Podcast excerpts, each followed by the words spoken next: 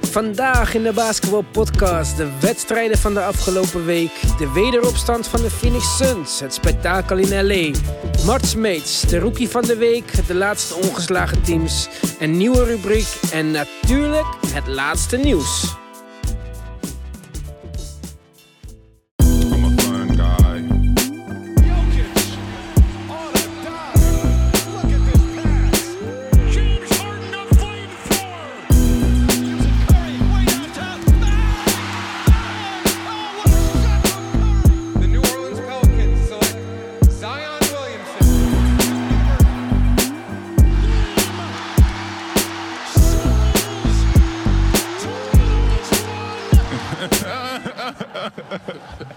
Welkom allemaal bij weer een nieuwe aflevering van de Basketball Podcast. Vandaag eindelijk weer een keer uit dezelfde ruimte. Met mij is David Yo, yo. en Mark. Hey guys. Mijn naam is Ivan, leuk dat jullie weer luisteren. En eh, laten we maar gelijk beginnen. Dit is het NBA-nieuws van deze week. De Phoenix Suns lijken zowaar op een echt basketbalteam. Coach Monty Williams heeft zijn ploeg aan het verdedigen gekregen en de resultaten spreken voor zich. Na de schorsing van DeAndre Ayton verloren ze hun tweede wedstrijd van het seizoen met één punt uit bij de Denver Nuggets in overtime. Wonnen ze de wedstrijd thuis tegen de Clippers en verloren ze hun laatste wedstrijd met één punt van de Utah Jazz. Een record van 2-2 mag dan misschien niet spectaculair heten. De Suns spelen competitief basketbal en dat is al een hele vooruitgang.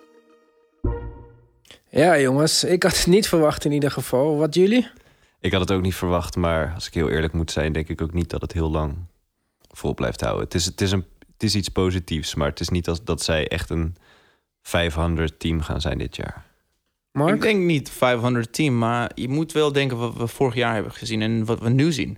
Eindelijk hebben ze een goede point guard. Devin Booker he- heeft eindelijk die stap gemaakt. Het lijkt alsof dat hij eigenlijk een leider is. Hij, kan, hij is aan het pasen meer. Hij is meer efficiënt met zijn schoten. En ook dit is zonder DeAndre Ayton. Als DeAndre Ayton nog steeds erbij was... ik denk dat ze wel dicht bij 500 zo- zouden komen. Maar ze gaan sowieso bo- eh, de overhalen deze jaar, deze jaar. Boven 30 wins, denk ik. Ik weet niet of DeAndre Ayton uitvallen zo'n groot probleem is. Want hun grootste vooruitgang vind ik de defense. En Baines als... Ja, maar hij was de eerste wedstrijd die hij dus zo goed was. Was die defensively ook heel goed, toch? Ja, daarom. Dus ja, Ayton bedoel je. Ja, eten, ja. Ja. Dus Ja, hij, maar hij die is- had hulp eh, van eh, wat verboden middelen. En daarom eh, Ja, was hij aan het te brengen de hele wedstrijd. Ja. Ik, ja, ik weet niet. Ik, ik zeg niet uh, Suns are for you of dit, dit blijft zo. Maar ze, ze spelen basketbal. Ja, er is en, iets En dat was ja. er niet in Ja. vorig jaar en in voorgaande jaren. Dus Hey, Ik denk dat het heeft ook veel te maken met Monty Williams. Hè. Ik denk dat was een van de beste eh, moves van de hele zomer eigenlijk. Maar waar was hij assistant vorig jaar? OKC. OKC. Ja, toch? Volgens mij. Ah, maar hij, is ook assistant geweest van Popovic, toch? Ja, Of niet? dat was een paar jaar geleden. Dan ging hij naar de Pelicans. ja, als dan, hoofdcoach. ja, daar heeft hij ja. eigenlijk de beste seizoen gedraaid met. Anthony Davis. Ja, maar dan had hij het probleem met zijn vrouw helaas. Toen ze Ja, dood dat, ging eh, eh, of ze overleden. En eh, ja, lijkt een van de beste moves van de hele zomer eigenlijk. Ja, en wat David zei, Ricky Rubio eindelijk een point guard. Ja. En je ziet ook die Sharic en Kaminski, een beetje hetzelfde type, stretch bigs. Ja, ik zeg niet dat het supersterren zijn, maar het zijn wel echt ja, NBA-rotatiespelers. die Voor- hadden ze eerst niet, nee. Nee, voor het eerst hebben zij gewoon acht spelers die in de NBA thuis horen. Ja, en Ja. Kelly Oubre is ook wel goed bezig. hè. Die is heel goed bezig. En dat Ja. hebben ze, die hebben ze eigenlijk ook voor niks gekregen, toch? Wie hebben ze Ja. getraind? Trevor Ariza voor hem. Ja, Ja, Ja. goed kunnen, ja. En ze hebben hem resigned voor twee jaar op een goedkope deal. Ja, hij is een beetje die wing die ze, die ze misten. Devin Booker hoeft eindelijk niet meer alles te doen. Oh. En zelfs die Javon Carter, die Ja. speelde in plaats van Ricky Rubio. Is verdedigend in ieder geval supersterk. Ja, die zat vorig jaar bij de Grizzlies inderdaad. Ja, die hebben ze ook weer zo weggegeven. Christies hebben een hoop spelers weggegeven. Michael Green, Javon Carter. ja eigenlijk wel. Wauw, In principe best zonde. Hadden ze nu al kunnen gebruiken. dat sowieso. Maar goed, dus Phoenix, hoe lang nog dan volgens jullie? Nou, het is, het is al heel wat dat het positiever wordt. En ze zullen flink meer winnen dan de afgelopen jaren. Dus de, de, de, de pijl gaat omhoog. Maar ze zullen nog niet heel goed zijn dit jaar, denk ik. Mark? Ik ben gewoon blij dat ze beter zijn. En ik denk eh, Monty Williams kan ze naar de playoffs brengen binnen twee jaar. Binnen twee jaar. Ja, dat, ja ik, ik zou er niet gek van opkijken als ze binnen twee jaar de 8 seed kunnen halen. Ja, volgend jaar. Ja, niet deze play-offs, maar de volgende. Nee. Voor hetzelfde geld kunnen we dit gesprek eh, volgende week alweer overnieuw doen als ze gewoon weer onderaan staan. En, Staan ze eh, op 2-8, ja. Ja, precies. Goed jongens, volgende. Waar vroeger het epicentrum van de NBA-mediawereld zich aan de oostkust bevond, hebben de grote onder de verslaggevers zich nu naar de westkust en met name LA verplaatst. Vier van de misschien tien beste spelers in de NBA vestigden zich in de stad der engelen. LeBron en Anthony Davis bij de Lakers, Kawhi en Paul George bij de Clippers. Waar LeBron de media al jaren niet schuwt op een paar Zero Dark 30 Finals runs na en er wild op los twittert, bijvoorbeeld als hij gedwongen wordt zijn huis te verlaten door een naderende bosbrand, is het voor Anthony Davis nog even wennen al die aandacht. Kawhi zou in principe wat meer gewend moeten zijn aan de media. De Finals MVP van afgelopen seizoen zet zijn beste beentje voor om alle vragen van de pers te beantwoorden, wat af en toe hilarische momenten oplevert. Bijvoorbeeld toen rookie Darius Baisley zijn opening night Hey Hey Hey nadeed. Kawhi werd gevraagd wat hij nu van deze imitatie vond. Charismatisch als altijd antwoordde hij. Just take it as love, you know love me, I guess. Ja, people love me, I guess. Ja, lachen. Die man, eh, is een- die, die, die, die kan je niet veranderen van zijn bui. Die blijft, wat hij, doen, do- die blijft doen wat hij doet. eh, Ja. ja, hij blijft altijd zichzelf. En dat maakt hem zo grappig. Niet van het stuk te brengen. Is dat een mooie Nederlandse eh, uitspraak? Ja. Niet Ja. van zijn stuk. Hij blijft lekker zichzelf. Lekker zichzelf. Ja, Ja. dat is zo mooi. Ja. Lekker zichzelf. Zo gewoon gebleven. Ja, zoals LeBron echt geniet van die aandacht en zijn brand promoot in het stadion. Gisteren werd ook Taco, Taco Tuesday, geschreeuwd. Ja. Kawhi is eigenlijk het compleet tegenovergestelde. Ja. En die twee teams gaan nu strijden tegen elkaar En eigenlijk. dat is de hele storyline, ja. En dat, eh, ja, 70%, 70 tot 80, 80 procent van alle he- het reporters zijn nu in LA. Zij, eh, zij de mensen van eh, de media. En dat is eigenlijk best wel extreem, want LA was vorig jaar eigenlijk nog gewoon wasteland, no land. No Ja. man's land. ja, maar de meeste reporters waren nog steeds in eh, de Bay, hè? Dus het is niet zo ver, maar...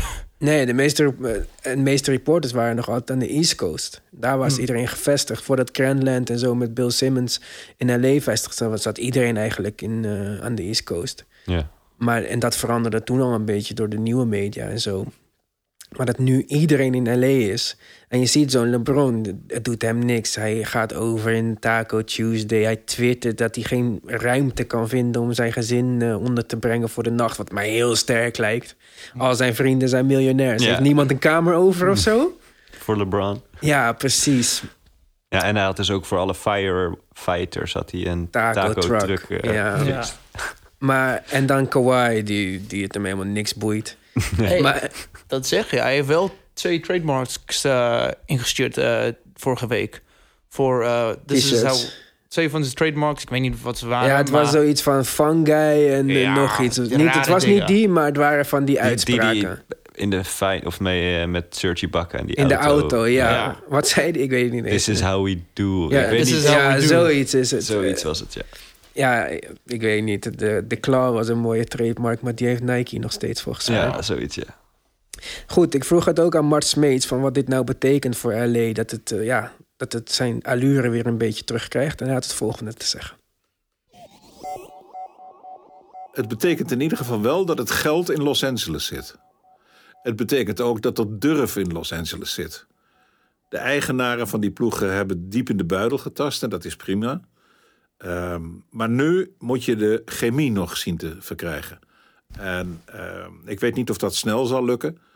Eh, dat weten we eigenlijk na één week weten we dat al een beetje. En ik hoop dat het leuk wordt, maar ik denk dat het een hype is. Zoals alles in de NBA op het ogenblik een hype is. Als iemand een gekleurde wind laat, ja, dan, dan, dan wordt er all over the world melding gemaakt van het feit dat een NBA-speler een gekleurde wind heeft gelaten. Laten we het nou houden bij de wedstrijden en laten we dat op zijn dode gemak bekijken. Hoe ze spelen, wie er goed spelen, waar echte ploegen naar voren komen en waar die niet naar voren komen. Ja, Mart eh, vindt het mediaspectakel allemaal maar een beetje overdreven. En die zegt, laten we nou eens even kijken naar het spel. En als we kijken naar het spel, beide ploegen staan 3-1, volgens mij. Ja, volgens mij ook. Ja. Ja, eerste wedstrijd worden de Clippers dan. Maar goed, het was ook de eerste wedstrijd van het seizoen. Mhm. Daarna zijn de Lakers eh, beter gaan spelen. Of in ieder geval, ze hebben betere resultaten behaald. Mhm. Maar als je kijkt naar de ploegen op dit moment. Dus Paul George is geblesseerd. Bij de Lakers missen er nog wat spelers. Kyle Kuzma, ja. Cousins. Cousins. maar ja, misschien die, die Ja. we misschien nu wel weer terug gaan zien. Maar ja, zelfs als die terugkomt, in welke vorm is die dan? Ja. Wie staat er op dit moment het beste voor? De Lakers. Want? Eh, ik merk het al met de Clippers dat de defense is niet zo goed met eh Lou Williams en Montrez. En je merkt wel, ze zijn een beetje slordig nu. Hè? En er zijn geen teams dat LeBron begint wel in zijn ritme te komen, zoals eh, we hadden vorige week afgesproken. En AD gisteravond. Het is wel, eh, je merkt het wel, dit is wel. Je, er zijn En- twee ongelofelijke spelers. En Kawhi gaat rusten vanavond, hè? Eerste Ja. wedstrijd loopmanagement. Ja. En hij speelt alleen 32 minuten. Dat is de meest dat hij heeft gespeeld in het hele seizoen tot nu toe. Ja, David, wat ik denk hou jij? het gewoon bij de feiten. Ze staan allebei 3-1 en onderling staan de Clippers 1-0 voor. Dus dan ga ik verder Clippers. Wie is de beste speler in LA op dit moment? Anthony Davis dan wel misschien. Op dit moment, dit seizoen, als je die vier wedstrijden ziet. Mark? Eh beste speler overal. Dat is Anthony Davis. Oké. Hij heeft het meest punten overal. Van in de hele stad. En hij heeft de meeste rebounds. En de meeste blocks. Oké, ik ga voor Kawhi. En eh, Altijd ik tegen. heb er vertrouwen in dat, eh, dat hij aan het einde zal zegevieren. Mart had dan nog een eh, vraag eh, voor ons. Hoe lang kan LeBron James nog al die wedstrijden aflopen? Over het veld scheuren, ballen raak schieten, point guard spelen. Hoe lang kan hij zijn 35-jarige lijf nog tuchtigen op het basketbalveld? Ja, Ja, ik denk nog wel eh, twee jaar. Mark? Bedoelen we op dit niveau? Of eh, als hij nog 80% van dit is? Ja, dat, Ja. dat is wel een grote vraag. ik, ik denk dat als hij o- over twee jaar op 80% is, dat dat nog steeds helemaal top is. ja, want als we kijken dat Vince Carter is 42 Mhm. en die speelt nog in de NBA. Ja, LeBron is 35. En een stuk beter op zijn 35ste dan Vince Carter Ja. was op zijn 35ste. Ja, Als hij bereid is om ooit die Vince Carter rol te spelen, bijvoorbeeld omdat hij vijf jaar met zijn zoon wil spelen, ja. dan kan LeBron denk ik tot 45 in de NBA spelen. Nee, klopt. Maar op deze manier, dat hij de point guard is van het team en heen en weer rent de hele tijd, dan gaat hij niet lang volhouden. Ik weet niet eens of hij dat dit seizoen nog volhoudt. Wel op zijn manier, als hij eh 20, 30 wedstrijden per seizoen gewoon gaat zitten. En eh, hij speelt er 60 en dan de play-offs. eh, dan kan hij dat nog wel volhouden. Hij zal echt geen eh, 80 wedstrijden spelen. Maar denk je niet eh, dat LeBron.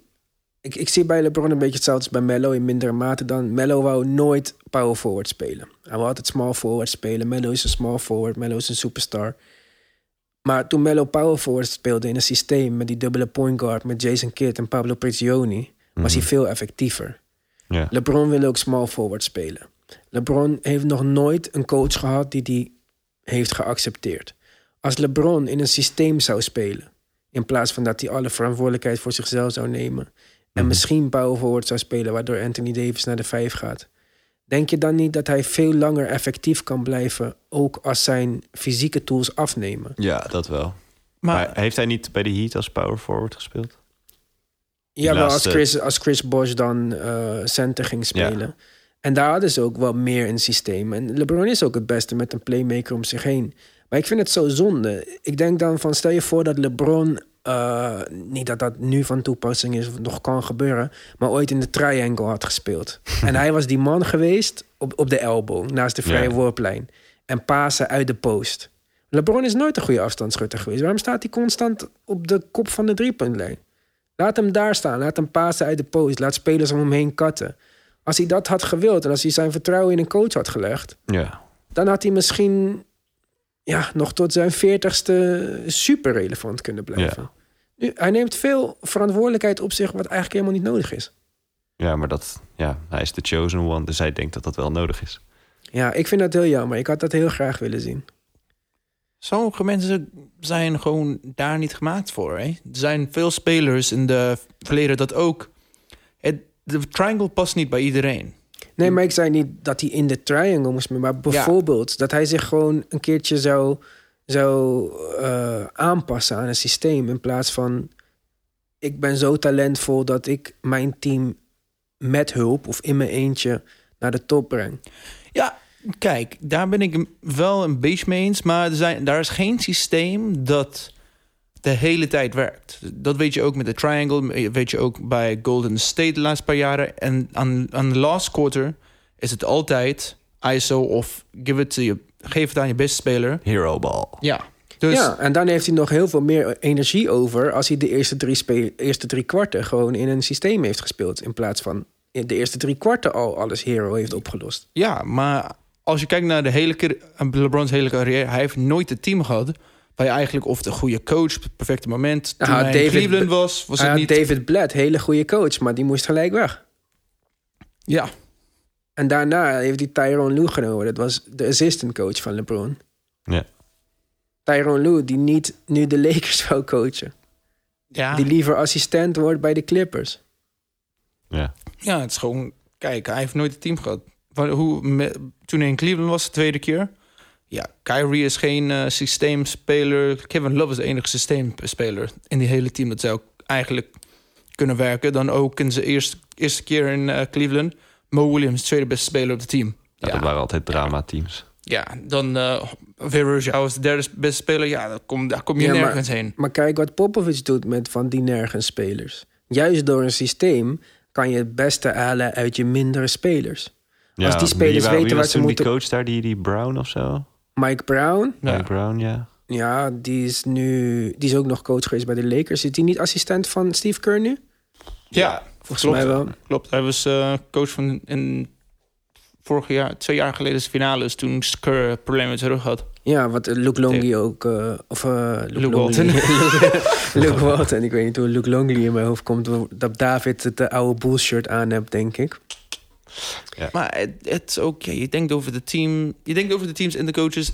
Het, werft, het heeft wel gelukt met Popovich omdat hij Duncan had. Als Duncan nooit een uh, Popovich, eh, geleven was gekomen, had, had, had hij nooit de cultuur gebouwd of die systeem en de reputation. Het is wel, je hebt gewoon die geluk zoals Phil Jackson, hè?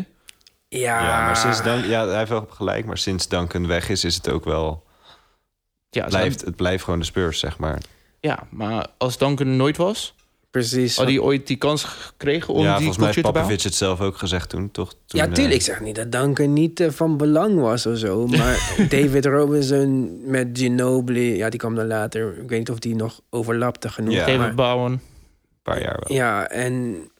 Ja, ik, ik zeg niet dat het nooit had... Of wel sowieso had gebeurd, ook zonder Tim Duncan. Maar om nou te zeggen dat dat niet zou hebben gekund zonder Tim Duncan... Ik vind wat hij nu uit die ploeg haalt eh, ook wel best wel bijzonder. Ja. Ja, En dat eh, brengt ons dan ook gelijk op het volgende item. De Sixers, Spurs en Timberwolves zijn de enige overgebleven ongeslagen teams in de NBA. De Pacers, Kings en Pelicans daarentegen de enige die nog geen wedstrijd wisten te winnen. Vanavond spelen de Timberwolves tegen de Sixers. Er kan er maar één de winnaar zijn. Wie denk jij? Ja, goed. Eerst eh, even dan de Timberwolves Sixers. Timberwolves. David. Wauw, eh, Sixers. Ja, Ja. Waar is het? Weet je dat? ik denk in Philly. Oké, ja, Sixers. Weet iemand dit uit zijn hoofd? Nee. Nee. Ze zijn altijd goed voorbereid. Ja, Ja, jij mag deze weet- beginnen, hè? je Omdat weet, je wat bent, ik, eh, je weet wat ik wil zeggen, eigenlijk. Maar ik denk de Timberwolves. Waarom? Waarom? Omdat ik alle wedstrijden van- van de Sixers heb gekeken. En ook al hebben ze alle wedstrijden gewonnen. Eigenlijk spelen ze helemaal niet goed. Nee, maar Embiid is nu eh, on fire en gebrand om Carl Anthony Towns te stoppen. Dus Dat is altijd wel een motivatie Ja. voor hem. Als hij tegen een andere goede big man speelt. die ook nog eens heel erg in vorm is. Ja, dus daar heb je ook daar heb je zeker een punt. Maar Embiid de vorige wedstrijd, behalve zijn monster scoren, als je de wedstrijd keek, ik word echt moe van hem. Mhm. Kan hij één keer in de post gaan staan of met zijn rug naar de basket? Kan hij één keer iets doen wat een center hoort te doen? Ja. Deze man staat aan de kop van de driepuntlijn. Eurostep, dit, dat. Het werkte, Ja. maar ik word er... Ik, als ik, snap ze kijk, word ik een beetje moe. En Beat wil niet in de post spelen.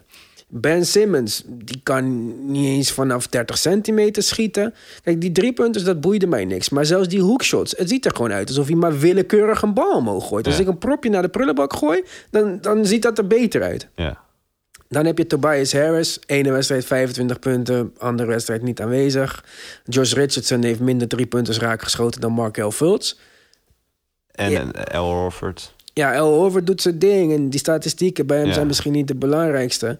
En ook al zijn ze individueel allemaal zo goed dat de verdediging wel goed is, hun team defense vind ik niet zo spectaculair voor wat we hadden verwacht. Ja. ja, en ze hebben natuurlijk geen bank. Dus dat blijft ook een probleem. Ja, die eh Shake Milton is op dit moment denk ik een van de betere spelers van de bank. Tybal heeft gestart. Die Ja, was- is wel goed, Verdedigend is die heel goed. Verdedigend, ja. Shake Milton is de beste driepuntschutter.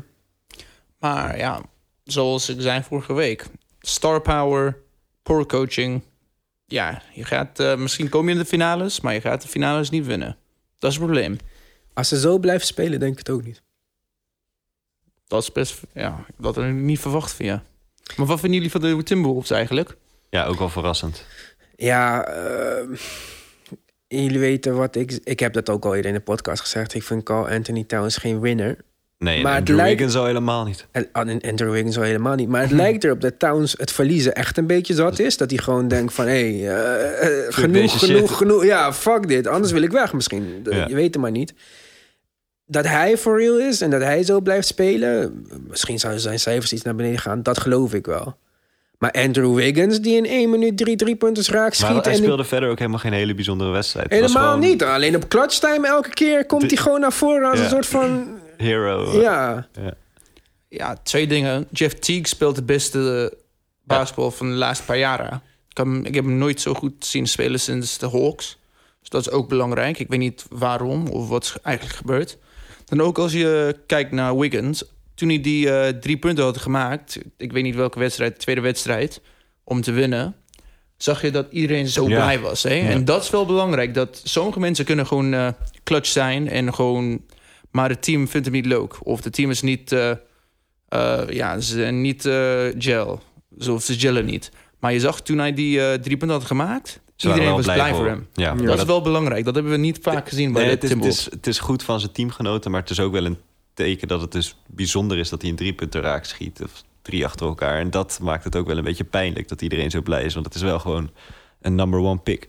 ja. net zoals eh, Ben Simmons gingen knuffelen in pre-season... toen hij één drie punten Ja, dat raken voelt voor. Ben Simmons niet chill hoor. Nee, dat denk ik ook niet. Het is wel lief van de teamgenoten, maar het is voor die gast zelf niet leuk. Ja, dat denk ik En ook. gewoon, eh, ik ben best eh, impressed door Ryan Saunders tot nu toe. Hè? Zeker. Ja, De, en de, ja, ik, ik bedoel, het heeft niet echt wat met basketbalredenen te maken... want ik heb ze ook niet genoeg gezien om nou te zeggen van... wauw, wat coach die leuk of zo. Maar je gunt het iemand toch op die manier. Zijn vader, Flip Sanders, overleden. hij is nog heel jong ook. Ja, een Timberlo- Tim- Timberwolves legend. Mm. En ja, Ja, hij heeft de gunfactor, ja. ja, hij heeft een hele grote gunfactor. Ja, was een andere speler met een gunfactor. Maar... eh, Trae Young had een flitsende start van het seizoen, maar viel in de wedstrijd tegen de Miami Heat uit met een enkelblessure en moest ondersteund het veld verlaten. Zijn status is voorlopig dag tot dag. Slecht nieuws voor de Hawks, die ook al Evan Turner missen met een Achillesblessure en zodoende dun in hun spelverdelers zitten. Tja, Ja. maar het is gelukkig geen erge blessure. Ja, hij heeft niet eens een MRI nodig, Nee, daarom, eh, werd er dus- geschreven. Maar Ja. het zag er wel, eh, het ging best wel veel dubbel hoor. Het was niet een klein beetje. Ach, of hij is een lichtgewicht, dus dat scheelt. Ja, maar hij kon niet lopen van het nee, nee, veld. nee, nee, nee. Daar schrik ik altijd, Ja, zeg ja, maar. klopt. Als iemand struikelt van het veld. Kobe nam vrije Vrije worpen worpen, met een ja. Achillespees die afgescheurd Kobe was. Clay ook met de AC. Met de Ja, ACL. precies. En ik, toen dacht ik, wow, hij kan niet eens lopen van het veld af. Ja. Ik was wel even geschrokken. Ja, dat wil je niet zien bij een speler die zo in vorm is natuurlijk. Maar Ja, precies. En hij was zo leuk bezig. De Hawks leken ook de moeite waard. De Hawks begonnen een beetje mijn League Pass team Ja, te ja. worden. Ze zijn mijn League Pass team. Eerlijk gezegd. Ik, hij is de eerste speler sinds Dominique dat echt in, de, in Atlanta past. Hè? Dat Ja, maakt een dat groot is lang verschil. geleden. Ja, Ja, wow. maar- ik maar zat moet- even snel te denken van... eh, Maar je moet, dat past in Atlanta. Hè? Al Horford was, speelde in Atlanta, maar dat is niet... eh Nee, maar Jo- Josh, Joe Johnson? Josh Smith was ook wel oeh, Atlanta. Joe Johnson, oké. Joe Johnson was wel, eh, Dat is wel, ja. was wel spectaculair eventjes. Hij zo Joe. Zo Joe, ja, oké, eigenlijk wel. Maar dat is best lang geleden sinds eh, Joe Johnson in Atlanta was ook, toch? Ja. Lang geleden, Ja, dat is is ook 12 jaar. Maar goed, jij, eh, jouw League Pass team is Atlanta Hawks. Wie gaat point guard spelen?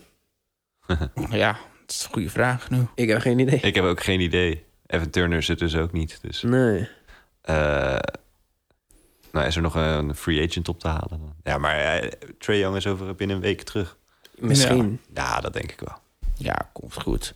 Anders hadden ze wel iets je, gezegd. je hebt veel vertrouwen, man. Ja, maar je, je zou niet zoveel druk op hem zetten dat hij moet meteen terugkomen. Als je een beetje... ja, oké, maar als het, stel je voor dat hij... Dus het is niet een week, het is twee weken of het is Ja, dan wordt het een 20 probleem. dagen. Eh, Ja, dat is hallo. een Ja, groot maar ik, probleem. ik denk dat hij gewoon twee wedstrijden mist en dan is hij er gewoon weer. Dus Volgende week kunnen we eh, hier verder. Ja, positief ingesteld zijn ja, jullie. zeker. Goed. Topscorer in de NBA is Kyrie Irving met 37,7 punten per wedstrijd. De meest dominante speler onder het bord is Andre Drummond met 16,3 rebounds gemiddeld in vier wedstrijden. En Malcolm Brogdon maakt zich populair onder zijn nieuwe teamgenoten. Hij leidt alle spelers in assists met 10,7 per wedstrijd. Grootste verrassing? Eh Brockton. Ja, vind ik ook. ja. Ja, Brogdon. Maar hij speelt best wel goed. hè. Indiana heeft dan eh, nog geen wedstrijd Daarom, gewonnen. hij is de enige die het goed... Ja, en, en Sabonis en Turner hebben stats, maar... ja, ja. maar Brogdon toch eh, ook bij Milwaukee groot verlies, denk ik. Beetje onderschat. Ja, klopt. Kijk, Indiana heeft niks gewonnen, dus eigenlijk, eigenlijk niet. Maar Men- Veel Indiana, mensen kunnen stats, eh, stats doen, maar als je niet wint...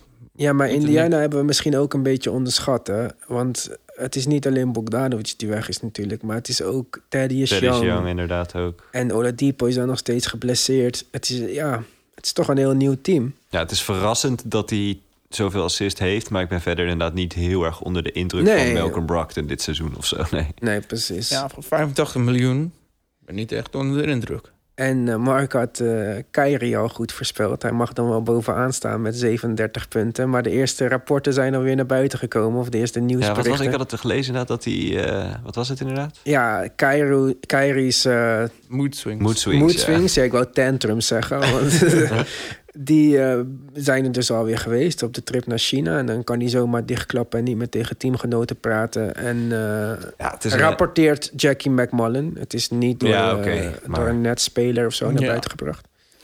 Maar zij zit nu in... Zij was de laatste twee weken in Brooklyn, dus het is niet alsof En ze... zij is een Boston legend. Zij is Ja. daar... eh, En ze, hadden, ze ging praten over vorig jaar. Dat 's ochtends zou, zou hij gewoon alsof ze beste vrienden was met, de- met zijn team, met zijn ploeggenoten. En dan smiddags, terwijl ze naar de veld ging, zou hij niet eens tegen ze praten. Gewoon langs te lopen, zo te kijken. Ja, het is een Dus, hele eh, rare... op sociaal gebied een hele rare gast. Ja, ik Sowieso vind wel het- een beetje een rare gast. Ja, maar ik vind het wel apart hoor. Want ik dacht altijd, hij is een soort van depressief of zo. Maar ik ben geen psycholoog, maar dit klinkt niet als depressief. Maar, als je, maar je ziet, als je naar die wedstrijden kijkt... en nou, als hij dan een, bij een time-out of iets... geven hem wel... Zitten, zitten ze op Ja, zijn ze zijn en allemaal ze- blij. Alsof ja. hij een soort van... Alsof hij een ziekte heeft of zo. Daarom, ik hoop echt niet dat hij een of andere ernstige psychologische stoornis heeft. Ik hoop dat het gewoon een beetje een bitch is. En, eh, Ja, niet dat hij echt een mentaal probleem ja, heeft. want het lijkt me best wel heftig, man. Ja. Iemand, iemand had het sowieso door, na zoveel jaren met zoveel verschillende dokters. Dan merk je het wel, hè. Dat, Ja, maar het eh, kan ook iets wat, wat, wat ontstaan is of zo, weet je wel. En dat hij dan na die... Want voor, voor die ring in Cleveland had je... hoorde je eigenlijk nooit problemen van Kyrie, toch? Nee. Het was eigenlijk toen hij toen die wegging naar de Celtics... toen vonden mensen dat al een rare... hoe dat ging was Ja. raar. En toen dat hele jaar, of twee jaar bij de Celtics. Dus ik denk dat het ergens in die tijd... dat hij inderdaad misschien een soort depressief is geworden of zo. Misschien is hij bipolar. Ja, dat zou kunnen, ja. Dat, eh, maar ja, ik weet niet eens, bipolar is, zover ik weet, meer over je eigen gevoelens. Dat het kan Hmm. switchen van high naar super, eh, super high naar super low. Of high naar low. Maar ja, niet praten tegen je teamgenoten. Ja, dat is... ja, ik weet niet of dat met een psychologische aandoening te maken heeft. Zelfs als je, kijk, Ja. ik ken mensen die depressief zijn, ik ken mensen die andere soorten psychologische stoornis hebben. En je merkt het misschien aan hun als je met ze praat. Maar het is nooit zo dat ik zo op straat tegenkom dat ze mij negeren of zo. Ja. Van eh, ja, ik ga nu helemaal niet meer tegen je praten. En daarom hoop ik dat het niet iets is van ja, fuck it, ik hoef dit niet te doen. Ik ben Kyrie en arrogantie alleen ja. maar is. Nee, dat hoop ik ook niet. Het blijft namelijk nog steeds een van mijn lievelingsbasketballers om naar te kijken op het veld. ja. Dit seizoen ook weer hoor, ook al winnen ze niet alles. Ik vind het wel leuk hoe hij eh, het allemaal doet met die dribbles en die eh buzzer beaters en zo. Het is nooit saai met Kyrie. Ja, jongens, dan het volgende. We hebben er eindelijk één. You've got mail. Er is een bericht binnengekomen. Er is een vraag van een luisteraar. Een luisteraarsvraag. Dionne uit Leiden vraagt: welke jersey uit je kast vind je het vetste? David. Poef, nou ik heb er een stuk of eh, vijf denk ik. Nou, degene die ik nu aan heb is natuurlijk Classic. Bulls Michael Jordan. Ja, de zwarte met de rood. zwarte. Ehm, ja, deze staat wel heel hoog. En de zwarte Sixers Allen Iverson Oeh, van eh, 2001. die is wel cool. Mark?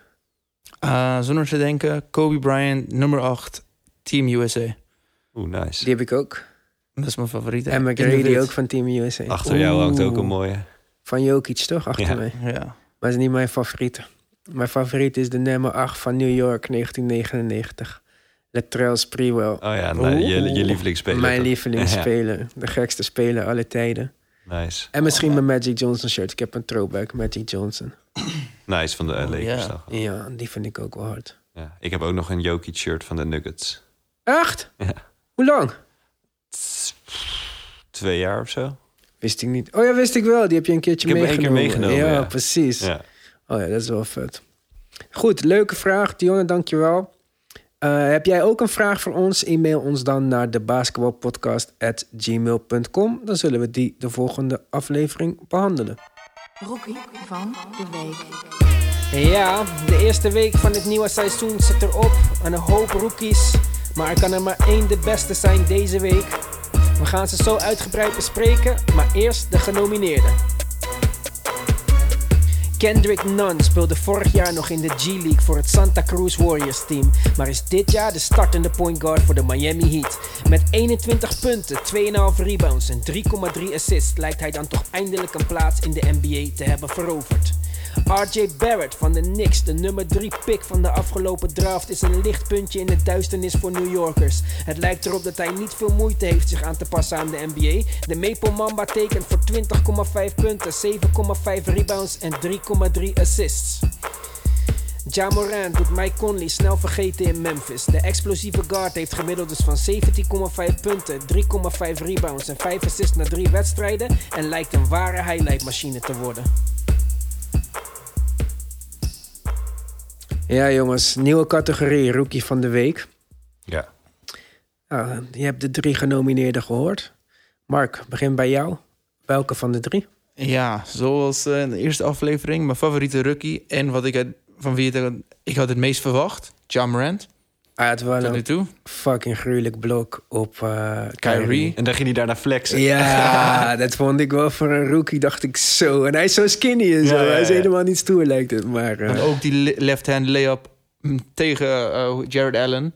Ja, dat is niet eh, makkelijk, hè? nee, en in die wedstrijd... Was het in die wedstrijd dat eh Jay Crowder het winnende schot raakte? Ja. Dat vond ik zo mooi. Hè? Jay Crowder kwam op een soort van screen zetten, half babyscreen. Hij gaf een bounce pass tussen twee spelers door. Ja Morant pakt de bal, loopt verticaal over het veld. Legt hem zo wat in de Ja. handen van eh Jay Crowder... die hem automatisch... Dat was perfect. Ja, dat was een hele mooie sequence, vond ik. Goed, David, jouw rookie? Nou, ik vind eigenlijk dat eh, Tyler Hero wel een honorable mention verdient. Want zijn teamgenoot zit natuurlijk wel bij, Kendrick Nunn. Maar Tyler Hero is ook best wel goed bezig. Maar goed, van de drie genomineerden... Ja, dan wel eh, RJ Barrett. Ja, ja, ik ben natuurlijk team, fan van de Knicks en hij doet het goed, dus daar ben ik blij mee. Ja, hij doet het zeker goed, vind ik. Boven verwachting Ja. goed. Wat ik ook zei in de aankondiging. eh, hij heeft blijkbaar niet echt veel aanpassingsproblemen. Ja, het is volgens mij ook geen makkelijk team om in te spelen. Zeker dat sowieso niet. niet. En toch, ja, ik vind het wel knap. Hij, hij moet het opeens doen tegen NBA-verdedigers. Lijkt hem weinig te boeien allemaal. Point guard, shooting guard, small forward. No Oh, ja, hij heeft space. overal gespeeld, ja. Ja, precies. Eh, Het hele team verandert constant om hem heen. Hij doet het goed. Zo positief. Nou goed, dan eh, kies ik voor Kendrick Nunn. Ja. Niet, niet omdat ik per se denk dat hij de beste is. Maar meer omdat ik denk dat dit de laatste keer is dat we hem gaan nomineren. ja, ik denk niet dat hij heel veel... eh, nou ja, misschien wel. Je weet het niet.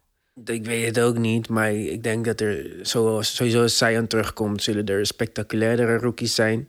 Ja. En ik ben een klein beetje bang voor het Jeremy Lin, Carmelo Anthony-achtige effect. Want Butler wou graag zijn eigen team. En nu opeens staan daar twee rookies die allemaal shine van hem proberen te stelen.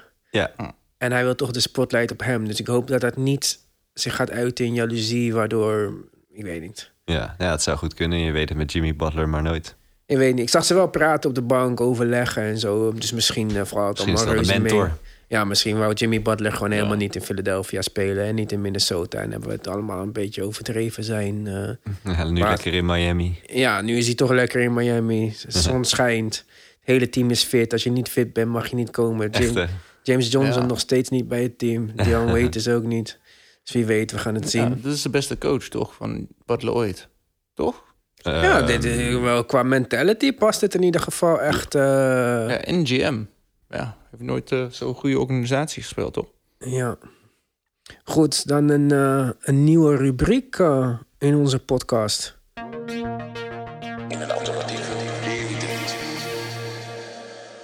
Ja, in een alternatieve realiteit, kort uitgelegd. In een alternatieve realiteit waarin één gebeurtenis verandert. Eh, ja, dat kunnen veel dingen zijn. We zullen zo meteen een voorbeeld geven. Of, ik zal als eerste gaan, dan kan ik het eh, misschien wat duidelijker maken. En dan met het gevolg voor de toekomst of het gevolg van vandaag. Dus in mijn alternatieve realiteit heeft Bradley Beal geen extension gesigned met de Wizards.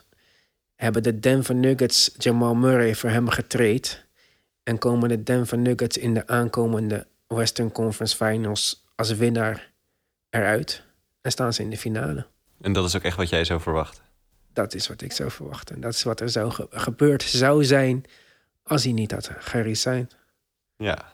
David. Nou, mijn is dan wel een beetje anders. Maar eh, ja, ik had dan bedacht, wat als eh, draft trades nooit bestaan, nooit waren bestaan. Dus dat je Oh. altijd als je een speler gedraft zou hebben, dat je hem nooit meer kon traden diezelfde dag, wat heel vaak gebeurd is. Ja. Maar ja, over het verleden gaan we het dan niet hebben. Maar dan had je bijvoorbeeld Kobe Bryant of Scottie Pippen... die dan nooit naar de Bulls was gegaan. Dus dan waren natuurlijk heel veel dingen veranderd.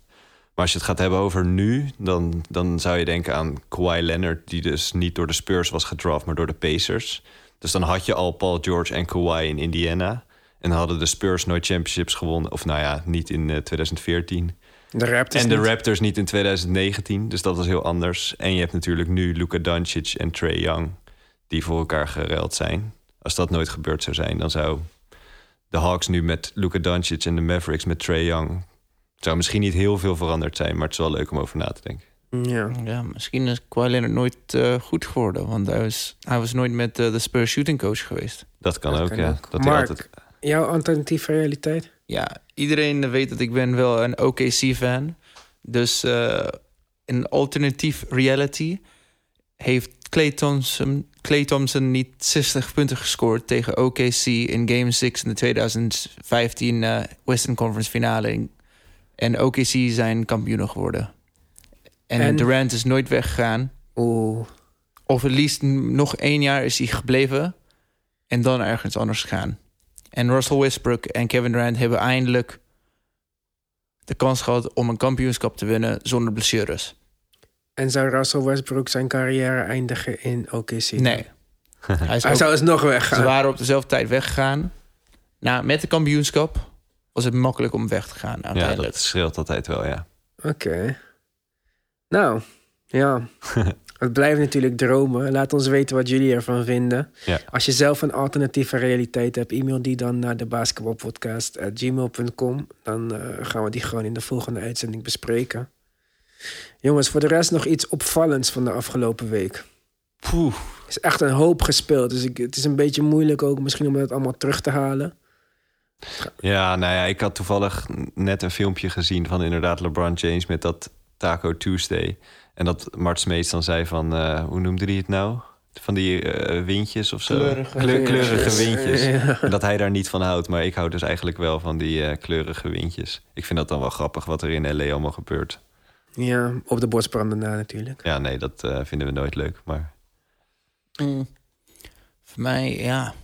Ik ben echt eh, benieuwd over de Mavs. Ja, dat ja, wil ik ook zeggen. eh, ja. weer gewonnen van de Nuggets. Ja, en ze, zijn, ze Terwijl spelen Doncic en hoor. Porzingis niet eens goed speelden. En dat Ja. gewoon het hele team Ja, draaide. De Nuggets spelen goed. En Doncic en Porzingis samen is ook niet echt slecht hoor. Nee. Nee. En ik ga het alvast zeggen. Rockets gaan de, Western, eh, gaan de eerste seed krijgen in de West. Wow. De Dat is de beste season van Russell Westbrook. En eh, James Harden. Is 2 van 100 van 3. Ja. Ja, en ze, hebben, en ze winnen nog steeds. ja, omdat hij miljoen vrije worpen kreeg. Ja, Ja, maar het ze, is niet leuk om te kijken, maar effectief. ja, net als de Sixers ook niet leuk om te Maar kijken. hoeveel staan de Rockets nu? 2-1 of zo? 3-1? 3-1. Ze hebben één keer verloren. De eerste wedstrijd was dat toch? Ja. Ja, ik weet het niet. Ik zie dat niet gebeuren. Nou ja, eerst first seed kan wel, maar championship wordt moeilijker. Ja, maar first seed denk ik ook Nee, niet. ik denk het ook niet. Maar Want ik denk toch dat er jongere teams zijn die voor zo'n first seed gaan. ja, Nuggets bijvoorbeeld. ja, Die geef ik wel een grote kans om zoiets te halen. ja. Ehm, ja, wat is Ja. mij opgevallen? Ik vond dus die, die soort van symfonie van Ja Morant en Jay Crowder erg mooi. ja. Mm. Dat die... eh, En maar Ja Morant is echt een leuke speler om naar te kijken. Het is een soort, ja, ja, mix tussen John Wall, Russell Westbrook, De'Aaron Fox. Alleen, ja, het is inderdaad nog heel wild. Heel veel tur- turnovers elke wedstrijd. ook maar- wel niet zo erg. Iedereen heeft veel turnovers. Ja, Ja. ja oké. En Beat had er negen of zo, zeven, weet ik veel. Ja. Twee, twee dingen even snel. Shea eh Gillis-Alexander. Hij is zo goed op de bal. Hij heeft, eh, ik denk, zeven turnovers in vier wedstrijden. Ja. Ja, En dan tweede, De'Aaron Fox heeft, eh, is Miljoen. heel slecht begonnen. ja. Ja ik weet niet waarom maar of wat aan de hand Kings is. zijn Maar ja de Kings slecht zijn slecht. Hè? Ik denk echt die, die Luke Walton, dat is Die niks. kan echt niks volgens echt, mij. volgens mij is dat inderdaad een hele overgewaardeerde coach. Ja, omdat Ja. hij gewoon dat goed heeft doorgecoacht toen bij de Warriors. Ja, maar, maar, misschien bij de Lakers wel... was het slecht en nu bij de Kings is het ook dramatisch. Ze missen dan wel Marvin Bagley, maar Ja, misschien is hij een goede coach, zeg maar, voor zulke sterspelers... om Ja. alles gezellig te ja, houden. assistentcoach bedoel je Ja. dan neem ik aan, toch? Nee, maar ook Nou, hij als hoofdcoach. Gewoon als in van hij is goed in als people manager. Maar zijn X en O's, dus het, het tactische gedeelte, eh, volgens mij eh, weet hij niet Ja, eh, dat het, wat eh, een pick and roll is. Want eh, what the fuck? Ja, nee, het is Ja, dat, eh, dat, dat, eh, hoe heet het? eh, Kevin Durant gezegd tegen Serge Bakker over Nick Nurse.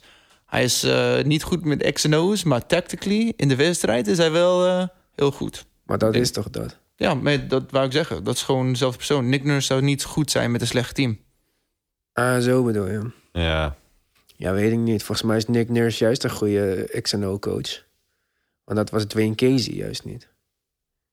ja, Maar goed, wat mij ook is opgevallen is de scheidsrechters. veel, veel fluiten. Ze fluiten echt alles. Maar was dat niet vorig jaar ook in het begin Ja. een issue?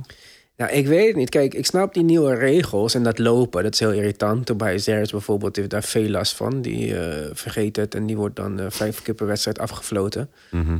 Maar als je gewoon ziet dat Giannis al twee keer naar de kant is gegaan. Siakam.